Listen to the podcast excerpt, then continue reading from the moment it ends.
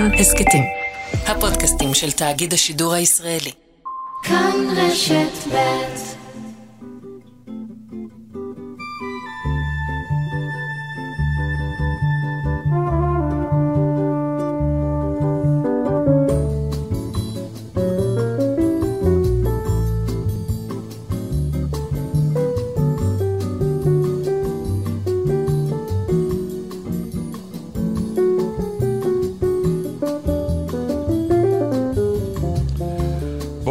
ושבת שלום לכם המאזינות והמאזינים. ברוכים הבאים לשעה השנייה בתוכניתנו.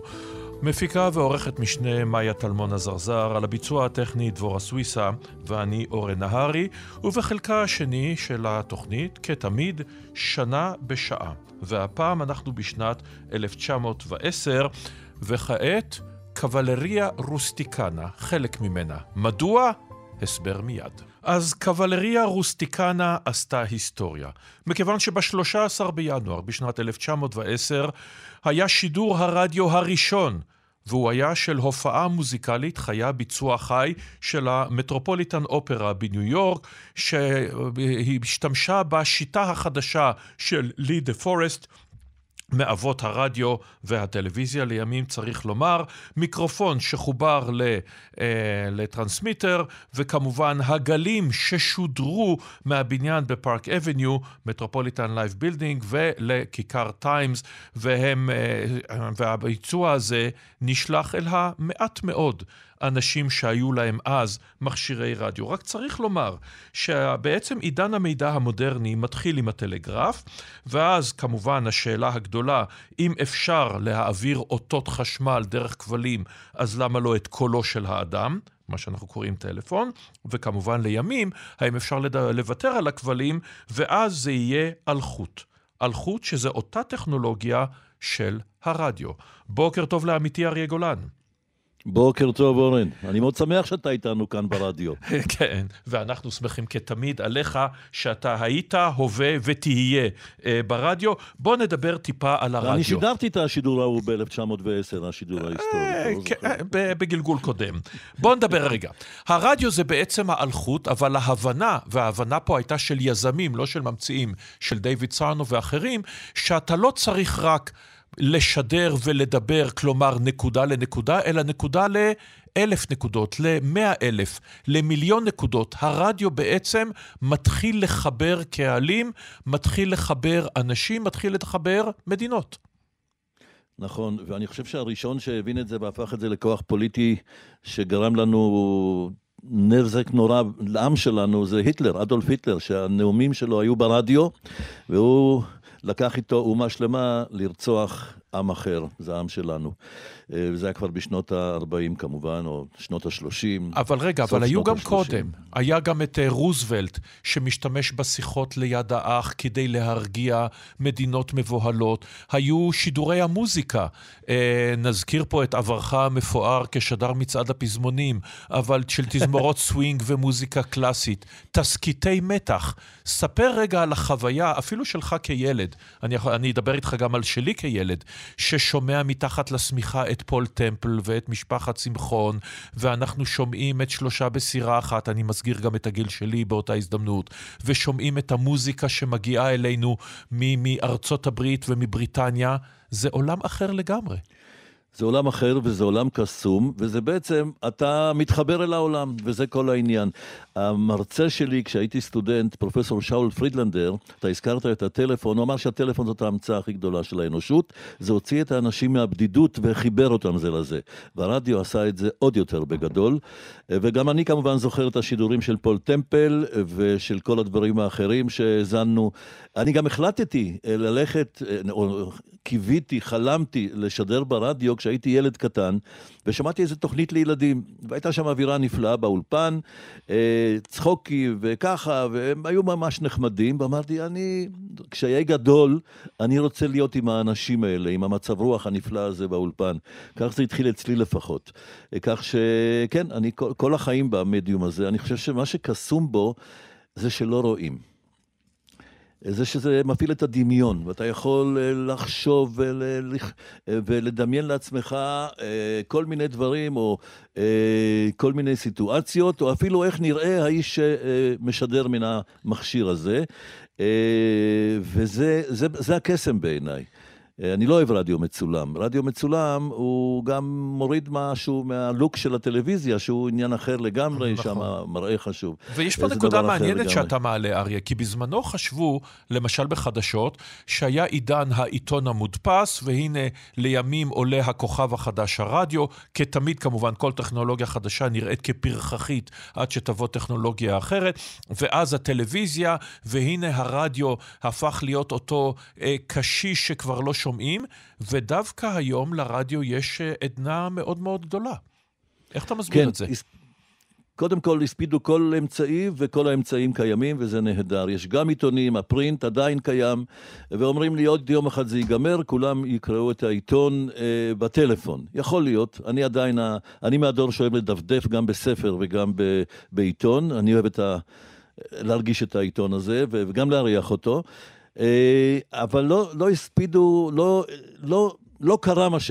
שכל ההספדים הללו היו מיותרים, כי יש מקום לאלף פרחים כאמור, והרדיו פורח כי הוא מדווח מיידית, והוא יכול לתת תמונה יותר שלמה מאשר פוש בטלפון, ואני מקבל המון פושים כל היום, mm-hmm. כותרת אחת, אבל כשאני רוצה לשמוע משהו יותר נרחב, יותר מעמיק, יותר יסודי, זה ברדיו. זה גם יותר יסודי ויש יותר זמן מאשר בטלוויזיה, שהיא מטבע הדברים מחפשת את הדברים הכותרתיים יותר. הרדיו יכול להרחיב, הראיה, התוכנית שאתה, שאתה עושה בכאן רשת. ואחד הדברים הנוספים שעשה הרדיו היה חיזוק הלאומיות. כלומר, הייתה החלטה שרירותית לגמרי, בכל מדינה אגב, מה ההגייה הנכונה. כלומר, בדרך כלל של עיר הבירה, כך ברומא השתלטו על הניבים המקומיים, כך כמובן באנגליה, כך בצרפת, וכך גם בישראל עם ההגייה הס"טי. זו הייתה החלטה שרירותית לגמרי. זו הייתה החלטה שירותית שההגייה הנכונה תהיה ההגייה של הספרדים בירושלים. וכולנו אה, חויבנו לדבר עם עין וחטא. אתה שומע? עוד יש לי את זה. כן, כן. אני כבר לא, אני כבר לא עושה את זה, כי כבר לא מחייבים היום, אה, קוראים חדשות עם רייש. אה, ישראלית כזאת, צברית, אה, הכל השתנה, זה כבר לא אותו דבר, ואולי זה צריך להיות כך, כי, כי ההגייה הפומפוזית הזאת, הבומבסטית, המאוד רשמית, אה, אני חושב שהיא מרחיקה. והעובדה שגם ברדיו מדברים אליך אנשים כמוך וכמוני, מקרבת את המאזין. אני זוכר את המהפכה הרדיופונית שעשה מורנו יצחק רואה, זכרו לברכה. Mm-hmm. אני חושב שהוא האיש הראשון שדיבר, איך לומר את זה בעדינות, כמו בן אדם.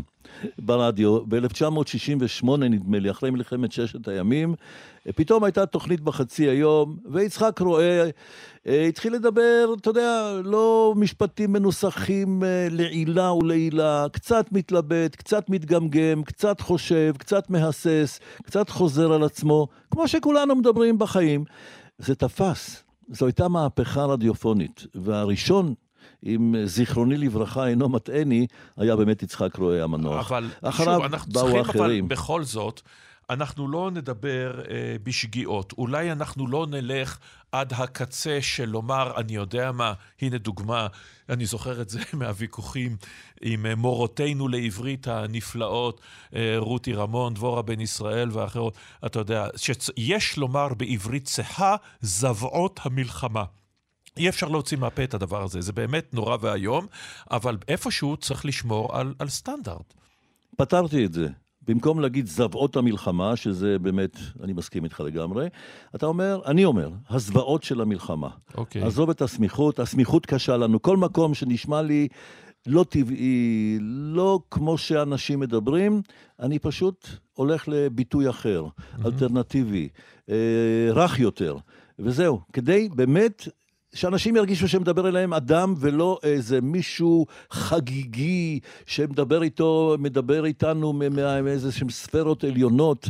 אה, אנחנו פה כולנו אותו דבר, כולנו רקמה אנושית אחת, וצריך לדבר כמו שאנשים מדברים. לא צריך לעשות שגיאות, היום יש שגיאות איומות, היום לא כן. מבדילים בין זכר לנקבה במספרים ודברים כאלה שהעיניים שלי, האוזניים שלי מסתללות, אבל, אבל חוץ מהטעויות האיומות הללו, שאני לא יודע, כבר, אין כבר דרך לנקש אותן אפילו, הם כבר בתוך העניין, הם כבר בתוך התרבות, כל מה שאני יכול לומר בעברית נכונה מבחינה דקדוקית, אני אומר, mm-hmm. אבל לא, לא, לא מנסה להתעלות או להתנשא מעל האנשים. כמובן.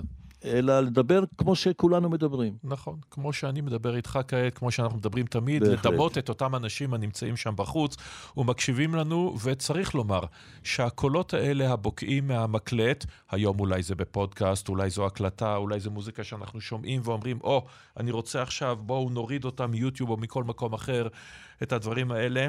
יש לזה את הקסם הנפלא שלו. תודה רבה לך, עמיתי אריה גולן. להתראות, אורן, תודה. בהצלחה. תודה. ומעתה מדי שבוע נזכיר במסגרת שנה בשעה אישה שנולדה באותה שנה. מדוע אישה ולא איש? כי עדיין הגברים מקבלים הרבה יותר תהודה מהנשים ויש להזכיר את פועלן. אז בשנת 1910 נולדה אירנה סנדלר, חסידת אומות העולם מפולין. שלום לפרופסור דינה פורת. שלום וברכה. אוניברסיטת תל אביב, יועצת מדעית של יד ושם. קודם כל, לקהל שלא מכיר, ספרי קצת על אירנה סנדלר. אה, אני בהחלט אספר, אבל לפני כן רציתי לומר לך אה, שלפני זמן קצר נפטר השופט, שופט בית המשפט העליון יעקב טירקל, mm-hmm. והוא עמד בראש הוועדה הציבורית mm-hmm. של חסידי אומות העולם במשך כ-18 שנה, בהתנדבות בין גמורה. בין שאר פעילויותיו החשובות מאוד. נכון, תמיד, בהחלט, תמיד עומד בראש הוועדה הציבורית, mm-hmm. שיש בה בדרך כלל גם אה, ניצולי שואה, אה, עומד שופט בית המשפט העליון, והיא ועדה עצמאית, והיא נפרדת מן המחלקה שיש ביד ושם, mm-hmm. היום עומד בראשה דוקטור יואל זיסנביין, שאוספת את החומר, עושה את המחקר ומגישה אותו לוועדה העצמאית. ונדמה לי שצריך להודות לשופט ולאלה שהיו לפניו, השופט בייסקי, השופט לנדאו, אה, תודה עמוקה. אה, אז ספרי טיפה על התהליך כן. הזה, לפני שנגיע לאירנה סנדלר עצמה.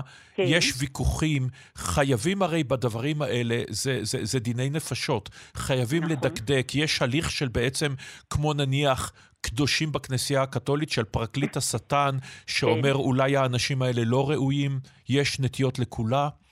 יש, אה, תראה, אה, אכן אתה צודק, אה, שכיוון שמתן אות חסיד אומות העולם נעשה מעין פרס נובל לאנושיות ולהקרבה, הוועדה, דרך אגב, קיימת מאז משפט הציבורית, מאז משפט אייכמן, mm-hmm. מ-62 ועד היום, ובמהלך הזמן הזה זה הפך לפרס נכסף.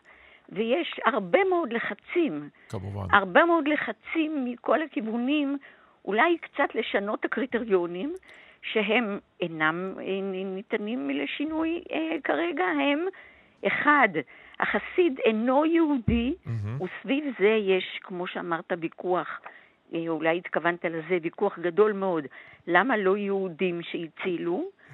אינו יהודי, סיכן, חרף את נפשו, ככה כתוב בחוק יד ושם, mm-hmm. שלא על מנת לקבל אה, רווח, ושהדבר מבוסס, ההחלטה מבוססת על עדות ממקור ראשון.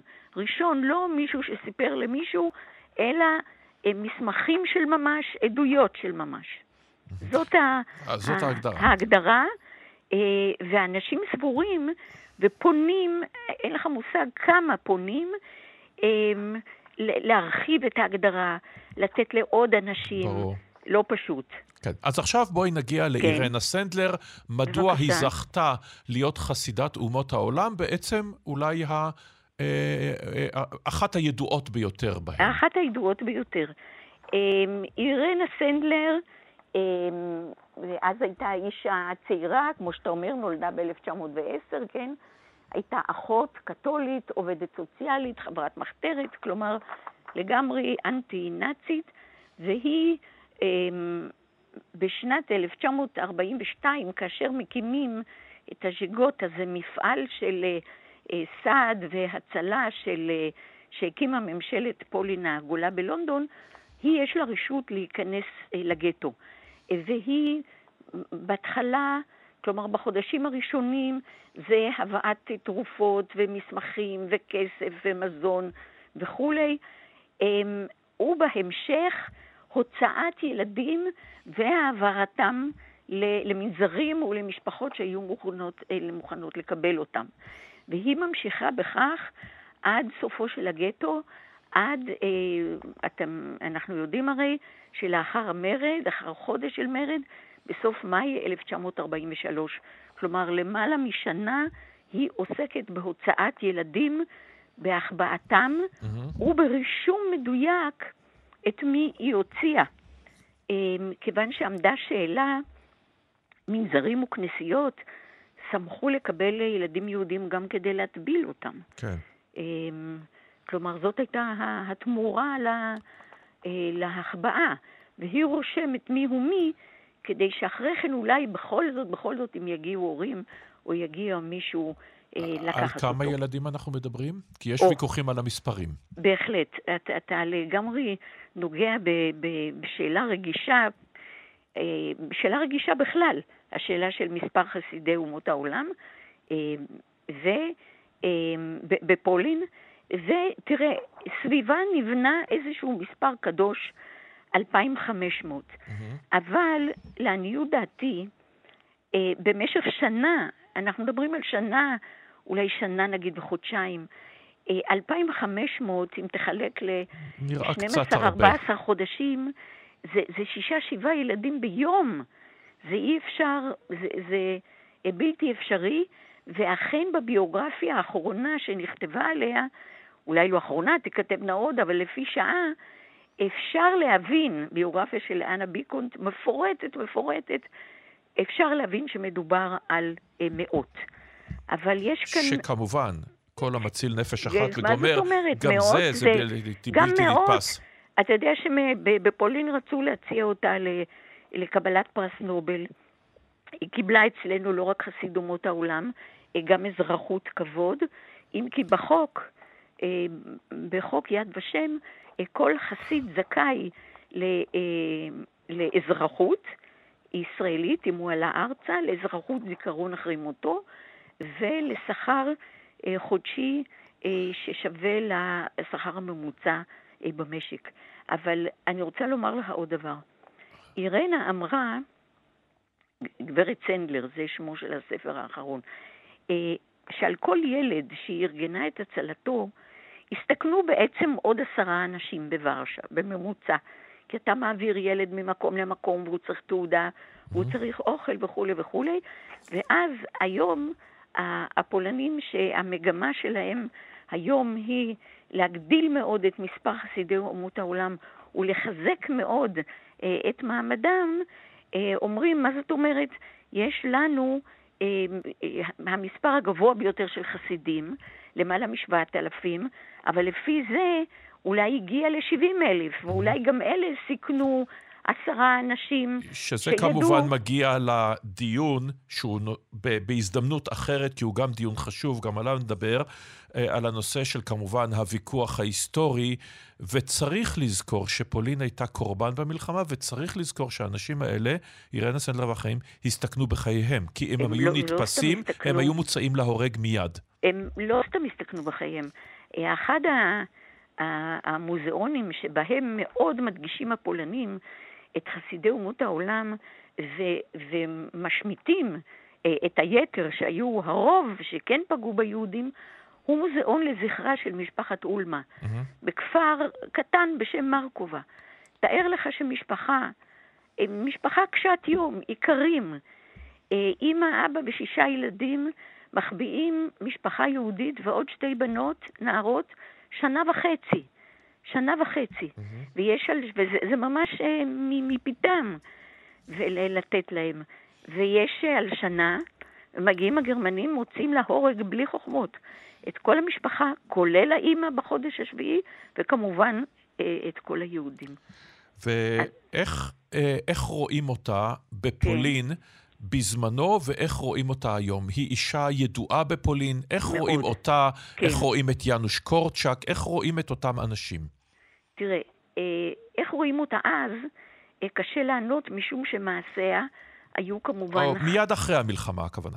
נכון, מיד אחרי המלחמה הדברים אינם ידועים ואינם מתפרסמים תכף אחרי המלחמה.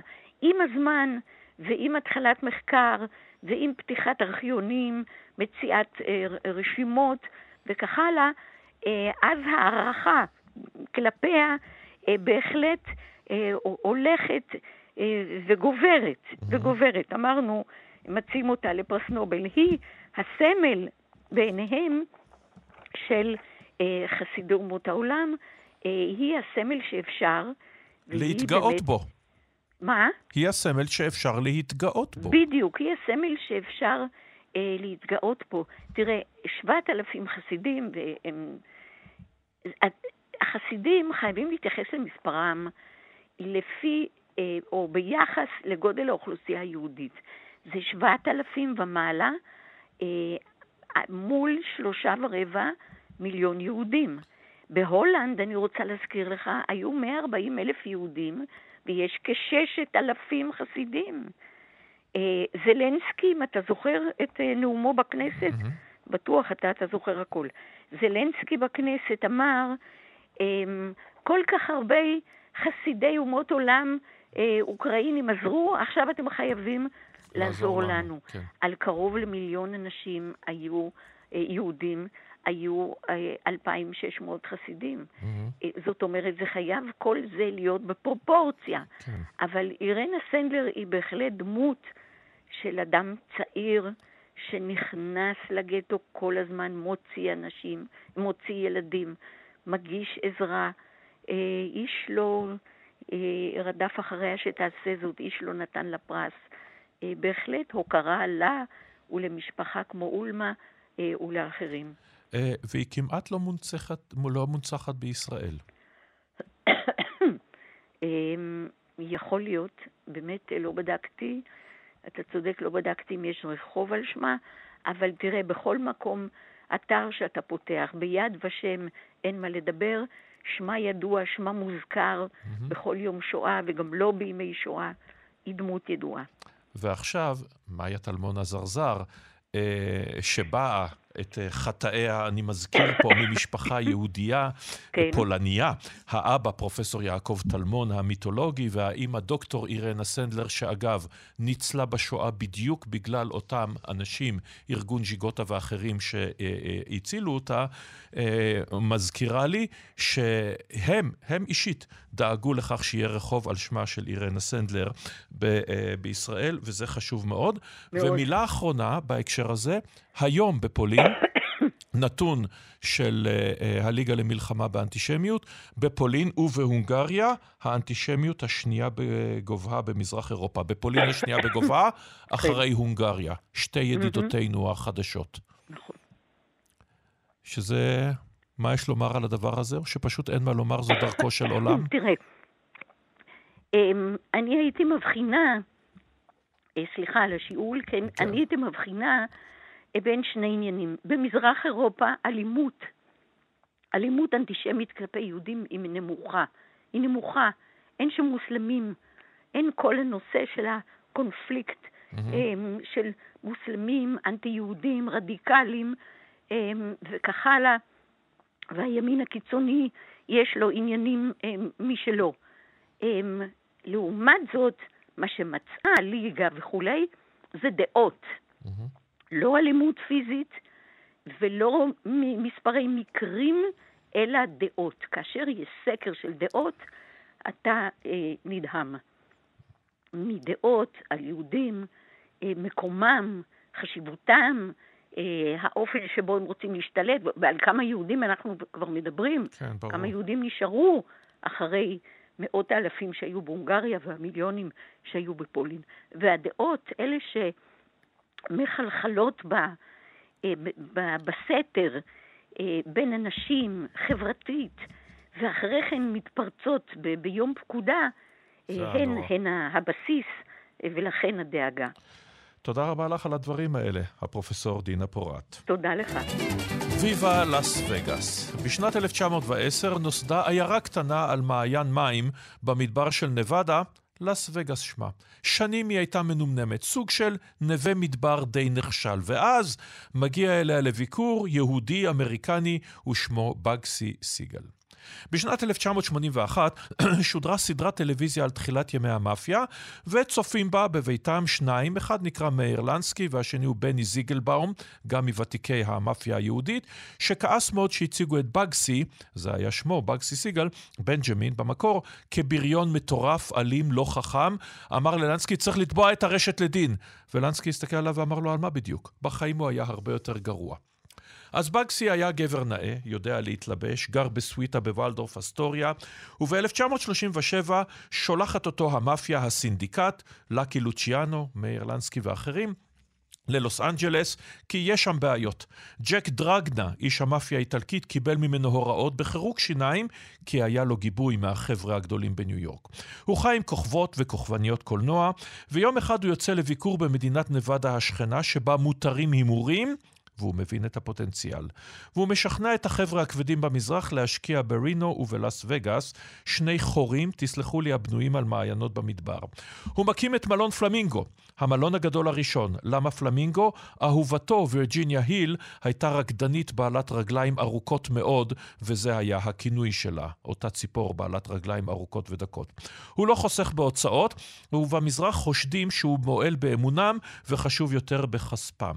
על כן, ב-20 ביוני 1947 השתרבב קנה של קרבין צבאי 030 לחלון הווילה בבברלי הילס, שבו היה עם היל, שני כדורים בראשו חיסלו את אחד הגנגסטרים היהודיים הידועים בעולם.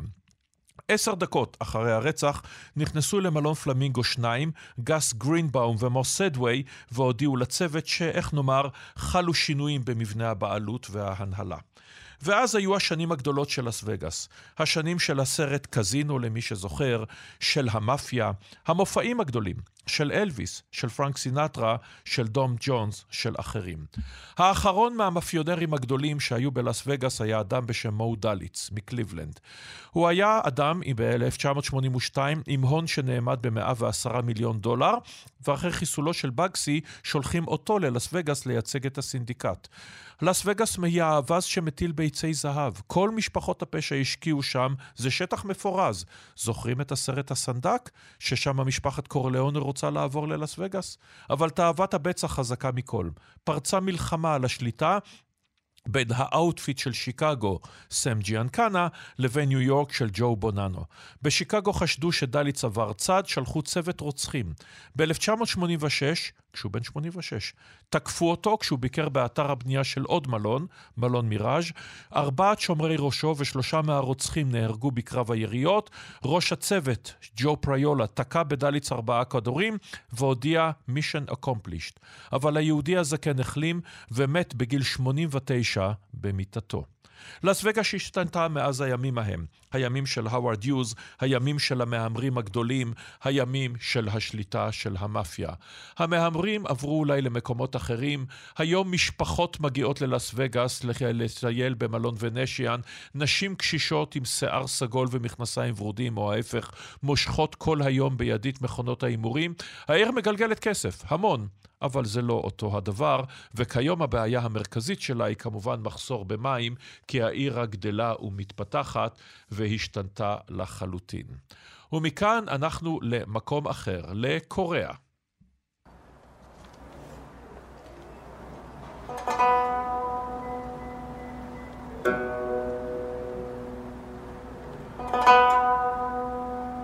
יסלחו לי עמיתיי הקוריאנים, אני בכל זאת מעדיף את אלוויס. למה קוריאה? כי בשנת 1910 יפן כבשה את קוריאה, סיפחה אותה, ואפילו שינתה את שמה. בוקר טוב לדוקטור אלון לבקוביץ'. בוקר טוב אורן, תודה על השיעור המאלף על uh, תרומת היהדות למאפיונריות. תמורת היהדות, תרומת היהדות לעולם. בוא, המאפיה כן. זה רק חלק קטן. כן. מרצה בכיר בלימודי אסיה באוניברסיטת בר אילן, מומחה לחצי האי הקוריאני. אז הייתה מלחמת רוסיה-יפן, שהתחילה בעצם עם קוריאה. אה, דיברנו עליה באחד המפגשים הקודמים. מה קורה בין הניצחון היפני אז לשנת 1910? מדוע עכשיו יפן מחליטה לכבוש את קוריאה הסופית ולספח אותה? אה, יש פה מה שנקרא התנחלות זוחלת או כיבוש זוחל. היפנים, אה, אם מסתכלים על הסכם הסיפוח ב-1910 שנחתם בין קוריאה ליפן, אז יש פה הצהרה דיפלומטית מאוד עצובה שהיפנים והקוראנים מגיעים למסקנה הדדית שהדרך הטובה ביותר לשמור על היציבות באזור היא על ידי סיפוחה של קוריאה ליפן, אה, ואשרי המאמין למה שנאמר. יפן בונה מערך הסכמים אה, ומאפשרת אה, תהליך אה, סיפוחה של קוריאה, שבהמשך תהווה בסיס לוגיסטי להמשך הכיבוש של חלקים נרחבים מאסיה, ובתקופת השיא שלה היא הייתה מעצמה אזורית מאוד מאוד מרשימה ושלטה על אזורים רבים באסיה.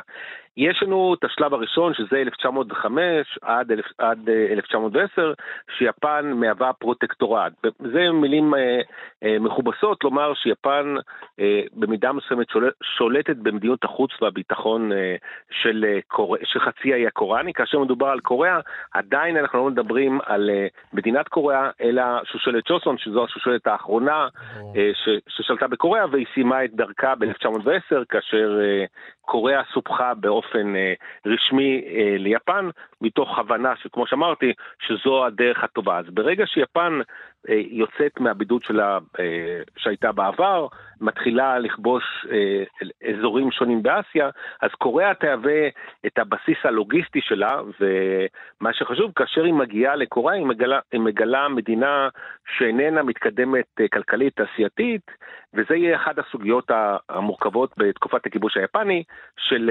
שדרוג כלכלת קוריאה, בניית תשתיות, שייצור יחס אמביוולנטי לתקופת הכיבוש. האם ליפן יש תוכנית סדורה לכבוש את אסיה, או לפחות לכבוש נניח את סין, את האימפריה שלהם? כלומר, להתחיל מקוריאה, להמשיך לסין, ומה שיהיה לימים, אה, כך הם הגדירו זאת, אזור הפריחה והשגשוג המשותף של אסיה? בשליטה יפנית כמובן? כן, כן, כן. יש, יש תוכנית אה, אה, סדורה שמתפתחת אה, לאור ההישגים, שהמטרה היא פה לכבוש שטחים נרחבים אה, באסיה, ואם אנחנו מדברים על, ה, על הצד הקוראני, בכדי להשיג את היעדים האלה, אנחנו צריכים לשדרג את הכלכלה הקוראנית, לא משיקולים אלטרואיסטיים למען הקוראנים, אלא אנחנו רואים שחלק מהתשתיות שנבנות בחצי האי הקוראני, מטרתם לסייע להמשך הכיבושים אה, הנרחבים אה, באסיה. אז אם זה שימוש במשאבים אה, בחצי האי הקוראני, ושימוש בכוח האדם הקוראני, שיאפשר ל- ליפן לכבוש אה, אזורים נוספים באסיה. עכשיו, קוריאה, האמת, מיקום גיאוגרפי שאפשר לראות בו ברכה ואפשר, סביר יותר, לראות בו קללה, בין הענקיות, בין סין, נכון. רוסיה ויפן. נכון. אה, יש פה, אם אנחנו מסתכלים על ההיסטוריה של קוריאה, הקוריאנים טוענים אה, שמאז הקמתה של קוריאה אה, בשנת 2333 לפני הספירה, אה, היו כ-600 פלישות לחצי האי הקוראני. אה, מיקומה הגיאו-אסטרטגי, כמו שציינת, בין רוסיה, סין ויפן, הביא לכך שלאורך השנים היו פלישות מהצד, ה, מהצד הסיני ומהצד היפני, כל אחד במטרה להשיג שליטה בחצי האי, על מנת לעבור ולכבוש את יפן, אם אם זה מדובר על הצד הסיני, ואם זה אה, מדובר בצד היפני, לכבוש את אה, יפן, כמו שהיה, לך, אה, לכבוש את קוריאה, כפי שהיה במאה ה-16. אבל האמת היא שזה, שש, אתה מדבר על המילניום השלישי לפני הספירה, אבל בתקופה ההיא כמובן רוסיה לא נמצאת, בטח לא מגיעה אל האוקיינוס השקט, זה יקרה רק במאה ה-19. גם יפן עדיין לא, אין לה את האמצעים לצאת מעבר לאיי יפן, בעצם סין היא הדבר המרכזי. נכון, ההגדרה של 600 פלישות היא הגדרה בעייתית, כי השאלה היא, וניסיתי להבין עם מומחים אה, קוראנים בנושא, אה, איך אתה מגדיר פלישה? האם אתה מגדיר פלישה לדוגמה כמו הפיראטים היפנים אה, שפלשו לקוריאה, או שפלישה של, של מדינה, של מעצמות כמו סין, רוס, רוסיה ויפן בתקופות מאוחרות יותר. אז המספר הוא, מטרתו לומר, אנחנו היינו מדינה, מעין מדינה פציפיסטית, שלא היה לנו שאיפות אימפריאליסטיות, זה גם בא לידי ביטוי כיום, כאשר קוריאה קוריאה הדרומית משתפת פעולה עם מדינות באזור, היא אומרת, אנחנו המדינה היחידה שלא פלשה ושלא כבשה אף מדינה, אה, ולכן כאשר הם באים לדוגמה לסייע למזרח התיכון, הם אומרים, אנחנו אין לנו שאיפות אימפריאליסטיות בניגוד לארה"ב, סין ומדינות אחרות. וכמובן היחסים בין קוריאה לבין יפן הם יחסים, לומר עליהם מורכבים זה בעדינות, כי תקופת הכיבוש היפני בקוריאה היא תקופה אה, אה, אה, אכזרית ברמות אה, בלתי נתפסות בכלל. באופן כללי, הכיבוש היפני בכל אסיה, אה, זה שהם אומרים שהם באים כאחים ואנחנו לא כמו האימפריאליסטים הבריטים, הם היו גרועים בהרבה. נכון, אה, זוהי אחת התקופות האפלות, אם לא התקופה האפלה ביותר בהיסטוריה של קוריאה, 1910 אה, עד 1945. היא השאירה משקעים רבים שחלקם, מכיוון שב-48 אה, מוקמות שתי הקוריאות, אבל אנחנו מדברים על קוריאה הדרומית, קוריאה הדרומית העדיפה בתקופות הראשונות לא להתעסק עם תקופת הכיבוש, אבל ברגע שקוריאה כבר הייתה מבוססת, אנחנו, כאשר אנחנו מבקרים כיום בקוריאה, אנחנו רואים סממנים של תקופת הכיבוש היפני. היפני, אה, שבאים לידי ביטוי ויוצרים אה, מתחים בין שתי המדינות. רק לפני מספר שנים הייתה, אה, היה עימות בין, עימות דיפלומטי בין שתי המדינות, קוריאה הדרומית ויפן, על סוגיית הכיבוש, על הפיצויים שנשות הניחומים היו אמורות לקבל מיפן. יש פה סוגיה מורכבת. אם מסתכלים, יש כמה מונומנטים שהיפנים בנו בתקופת הכיבוש, לדוגמה בית המושל היפני, שנהרס רק בשנות ה-90, שהם הציבו אותו בכניסה בחזית לארמון המרכזי בסאול במטרה להשפיל את הקוראנים. לקח לקוראנים שנים רבות עד אשר חלק מאותם מונומנטים הם החליטו אה, להרוס. אה, אם מבקרים בבית עיריית סאול, הבניין המרשים, לצידו נמצא בית העירייה שנבנה על ידי היפנים, ושוב יש פה דיאלוג בין העבר להווה, לעתיד, איך אנחנו מתייחסים לכיבוש, ויש סוגיות מאוד מאוד כואבות בנושא הזה שעדיין לא נפתרו. וכמובן, אם אנחנו מסתכלים על ההווה, אז שוב, קוריאה, אה, למען הדיוק מיצרי טיוואן, כל האזור הזה נמצא בעין הסערה, אולי המקום המסוכן ביותר בעולם בעתיד הנראה לעין. עם העימות המתגבר, שוב בין אותם ענקים, רק נכון. הפעם נוספה אליהם ארצות הברית. נכון. אנחנו, אה, כולם חוששים מה, מהנושא הזה, אה, יפן מוטרדת והחליטה להגדיל את תקציב הביטחון שלה מחשש מפני קוריאה הצפונית באופן רשמי, אבל סין באופן בלתי רשמי. יש לנו את קוריאה הדרומית ש, שמוטרדת מעליית האיום הצפון קוריאני והסיני, וכולם מסתכלים מתוך חשש מה יקרה אם סין תחליט לממש את שאיפותיה לכבוש את טיוואן ומה ההשלכות האזוריות בנושא הזה, מחשש שאולי ייגרר לעימות שאף אחד מהצדדים לא רוצה להגיע. תודה רבה לך על הדברים האלה, הדוקטור אלון לבקוביץ'. יום טוב. ומכאן אנחנו עוברים לתרבות, ונרקוד את ציפור האש, איגור סטרווינסקי.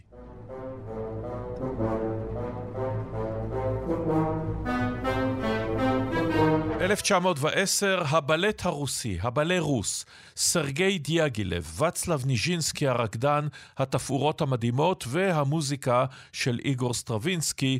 אנחנו מדברים על ציפור האש, וכמובן היצירות הנוספות שיהיו לבלט הרוסי, פטרושקה, וכמובן פולחן האביב. שלום לטליה אילן. בוקר טוב, אורן. מנצחת, עורכת מוזיקלית בכאן כל המוזיקה. בעצם, השילוב של כולם משנה את כל התרבות החזותית של המאה ה-20. את הבלט, את, את, את נושא הריקוד, וכמובן גם את המוזיקה שאנחנו קוראים לה המוזיקה הקלאסית.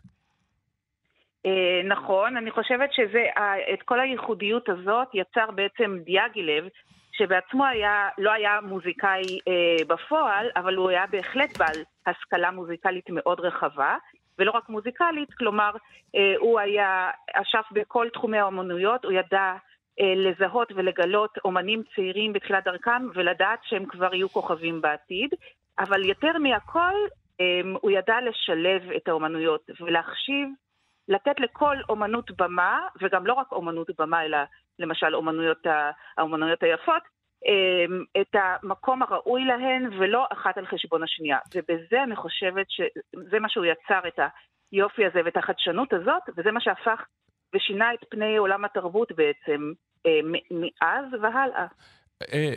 אי אפשר שלא להיכנס קצת, נקרא לזה, ללאומיות, אני יודע מה, או לתרבות לאומית. כלומר, היוצרים האלה של המהפכות האדירות האלה, ואפשר להוסיף עליהם בציור גם את קנדינסקי וכולי, הם רוסים ורוסים גולים. כלומר, הם רוסים נכון. המגיעים לפריז, יחד עם רוסים אחרים, כמו מרק שאגאל וחיים סוטין, כמובן היהודים ואחרים, והם עושים את המהפכה. מה, מה יוצר את זה? המפגש, מה שהם הביאו מהבית אל מול המערב, נקרא לזה ככה? אני חושבת שזה גם המפגש שבעצם דיאגילב, כמו שהסברתי קודם, הוא זה שגרם לו לקרות למפגש הזה, אבל עצם זה שהוא יצא לפריז, חלק גדול מהסיבה היא שהוא הרגיש שהקהל בפריז יותר מקבל את החדשנות שלו מאשר הקהל בביתו ברוסיה, ו, ושם הוא הרגיש שהוא יכול לעשות את זה ביתר חופשיות ובקבלה בצורה כזאת שעובדה שבאמת זה הצליח שם. Uh, עד גבול מסוים. כמו שאנחנו יודעים, אז אם אנחנו מדברים על 1910 ועל ציפור האש, שבאמת הבלט נוצר בשנה הזאת, אבל שנתיים אחרי זה, בפועל, שלוש שנים אחרי זה רק uh, הייתה הבכורה של פולחן האביב, שם כבר אפילו uh, בפריז הייתה uh, בעיה. לקהל לקבל. בעיה זה אחד ה understatements הגדולים. כלומר, יש את התיאורים של ניז'ינסקי מתחנן בדמעות, תיתנו לזה צ'אנס, תיתנו, ת, תקשיבו טיפה, הקהל שורק בוז ומתפרע, לא מה שמקובל אצלנו במוזיקה קלאסית מעונבת. נכון, אבל דווקא המעונבים הם אלה שיצאו כנגד, והבוהמיאנים הם אלה שהיו אומרים שהקהל התחלק לחצי חצי פחות או יותר, והיו כאלה שדווקא כל כך רצו לשמוע את זה עד הסוף, והיה להם קשה כמובן כי הפריעו לתזמורת, ודווקא את הריקוד האחרון, את ה... ריקוד הקורבן, אז אה, כנראה שסוף סוף הקהל היה יותר שקט, והיו כמובן מחיאות כפיים, אבל כמובן גם הרבה עגבניות רקובות. ואם אנחנו מדברים טיפה על הגולים, ובואי נתמקד שנייה במוזיקה, אז יש לנו במאה ה-20 אה, ארבעה מלחינים, מלחינים רוסים דגולים. אה, אולי את תוסיפי לי כמה. יש לנו את הגולים, סטרווינסקי ורחמנינוב. יש את שוסטקוביץ', שכמובן נשאר במולדתו. כמובן, אפרופו, זה כמובן ההקשר, המהפכה הסובייטית והשלטון הבולשביקי-סטליניסטי. ופרוקופייב שמתחיל לחזור. מי מהם, אם אפשר לומר, משפיע יותר על, על תולדות המוזיקה במאה ה-20? וואו, אורן, זאת שאלה מאוד קשה. אני לא חושבת. בשביל זה אני שואל אותך.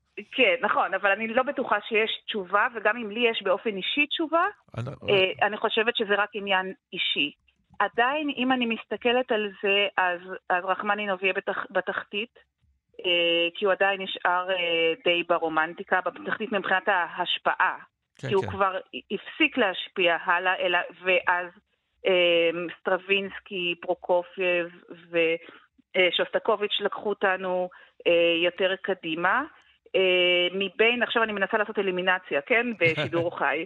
ואז מבין פרוקופייב ושוסטקוביץ', ורק אני חייבת להגיד, את כולם אני מאוד אוהבת. זה, לא, זה לא עניין של הערכה כלפי המוזיקה שלהם הנפלאה והנהדרת והגאונית כמובן, אלא כלפי השאלה ששאלת. אמ, אני חושבת שבסופו של דבר זה סטרווינסקי, שכבר ב-1913 עשה מהפכה שאף אחד אחר לא עשה. ובזכות המהפכה שלו, זאת הייתה הקרקע לכל השאר. Mm-hmm. והוא גם, היו לו תקופות שונות במוזיקה שלו, גם אחר כך התקופה הנאו-קלאסית או נאו-ברוקית, אפילו, אפילו אם אפשר לקרוא לזה, כמו הבלט שלו, אפולון מוסאז'ט, שהוא כתב יותר מאוחר, גם עדיין אצל הבלט רוס, שנה אחת לפני שדיאגילב נפטר ואז uh, הבלט נסגר. אמ, אז אני חושבת ש, שהשפה המוזיקלית של סטרווינסקי היא זאתי שהשפיעה יותר מכל אחד אחר, אמ, וגם הקשרים שלו בארצות הברית ו, וכל הדברים שהוא עשה, כל המפעל חיים שלו, אני חושבת שהוא השפיע הכי הרבה מכל הארבעה. נכון, אבל סביר להניח שאם את תלכי למבחן של מה שאוהב הקהל, והקהל הוא שמרן דווקא, או אולי לא דווקא, אגב, לא רק בישראל, אני מניח שהקונצ'רטי לפסנתר של רחמנינוב איכשהו יעברו יותר טוב למאזינים באוזניים מאשר... אתה... כן, אז זאת עדיין מוזיקה אה, מאוד רומנטית, כן. אז כן, אנחנו עדיין... כן, אנחנו יכול... אפשר להגיד ככה, אבל גם אפשר להגיד ש... אנחנו כבר יותר ממאה שנה אחרי פולחן האביב. נכון. זאת כבר לא מוזיקה מודרנית בכלל. נכון מאוד. וה, וכשאת מסתכלת על, ה, על השילוב הזה, אז היום עדיין יש את המוזיקה הקלאסית שאנחנו שומעים אותה, מתחברים לכל המוזיקה או למקומות אחרים, שומעים את הקונצ'רטי לפסנתר, את, ה, את המוזיקה הקאמרית, את הסימפוניות, את כל הדברים האחרים. החזון שהיה, והיה לכמה אנשים, דיאגילב מצד אחד, להבדיל מאוד מאוד מאוד, וגנר מצד אחר, של שילוב כל האומנויות, המוזיקה נכון. הקלאסית, הכתיבה, הפרפורמנס, הוא לא כן. לגמרי התגשם. התגשם חלקית בבלטים, עם, עם הסוויטות לבלט אה, של אחרים, אבל לא לגמרי. אני לגמרי מסכימה איתך, אני חושבת אבל שהיום זה חוזר בצורה אחרת, mm-hmm. היא פחות מוכרת לקהל הרחב, אבל בהחלט יש אה, אינטרדיסציפלינריה במוזיקה הבת, של בת זמננו, במוזיקה המאוד, אם אפשר לקרוא לה, אולטרה מודרנית. אה, אז זה בא אה, לידי ביטוי בצורות אחרות והרבה יותר קטנות ופחות פומפוזיות. לא mm-hmm. צריך במה ענקית ותפאורה במיליונים, אלא זה בא לידי ביטוי יותר בשילובים בין ריקוד ווידאו ארט. ו- ופסי קול שהוקלטו מראש, ונגנים על הבמה, שהם גם לפעמים משחקים בעצמם, וכל הדברים האלה שאני מספרת לך, זה דברים שאני בעצמי לקחתי חלק בהפקות שלהם.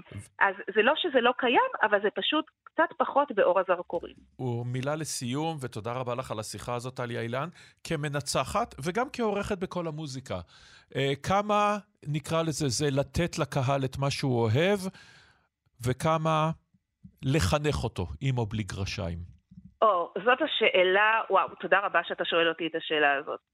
אז אני חושבת שקודם כל, אף גוף מוזיקלי מעולם, או גם אם עשו אה, אה, ובדקו ושאלו ועשו סקרים, אף גוף מוזיקלי לא באמת יודע מה הקהל שלו רוצה. לכן להגיד שאנחנו נותנים מה שהקהל מבקש, זה לא בדיוק נכון. אז הם אומרים, אה, אבל גילינו שהם מוכרים יותר כרטיסים לזה ולזה. כי זה מה שאתם אה, בעצם מראים לקהל וזה מה שהוא מכיר, אז לזה גם הוא ילך. אבל אני גם יכולה להגיד לך שאני מדברת הרבה עם קהל, אה, וכל הזמן פונים אליי, גם בתור מנצחת וגם בתור עורכת בתחנה, וכל הזמן אנשים אומרים, בבקשה תיתנו לנו דברים חדשים, כי כבר קשה לנו לשמוע עוד פעם את השנייה של ברם. Mm-hmm. זאת אומרת, אף אחד לא יגיד לך שאנחנו לא אוהבים את ברמס, אנחנו מאוד אוהבים, אבל אנחנו גם רוצים לפתוח את האוזניים ברור. לעוד דברים ש, שהיו באותה תקופה ושלא הכרנו, ועכשיו, הנה, פתאום אנחנו אה, שומעים פעם ראשונה, ומאוד אוהבים את זה. אז זאת התשובה שלי. תודה רבה לך על הדברים האלה, טליה אילן. תודה, אורן. ומוזיקה לסיום, אחרת, שיר שנולד ב-1910, לא נשמיע אותו בביצוע של 1910, אלא ביצוע מאוחר יותר של מתבודדי הרמן, אני הנרי השמיני. Henry the eighth I am, I am.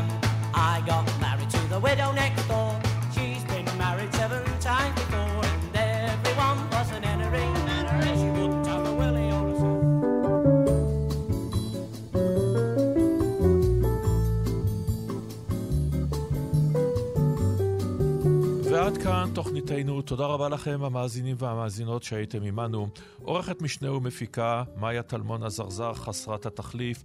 על הביצוע הטכני, דבורה סוויסה. מיד יומן השבוע עם שלום קיטל, שכבר מתחמם על הקווים מהצד השני של זכוכית האולפן. בוקר טוב, תודה רבה לכם, ושבת שלום, כאן אורן נהרי.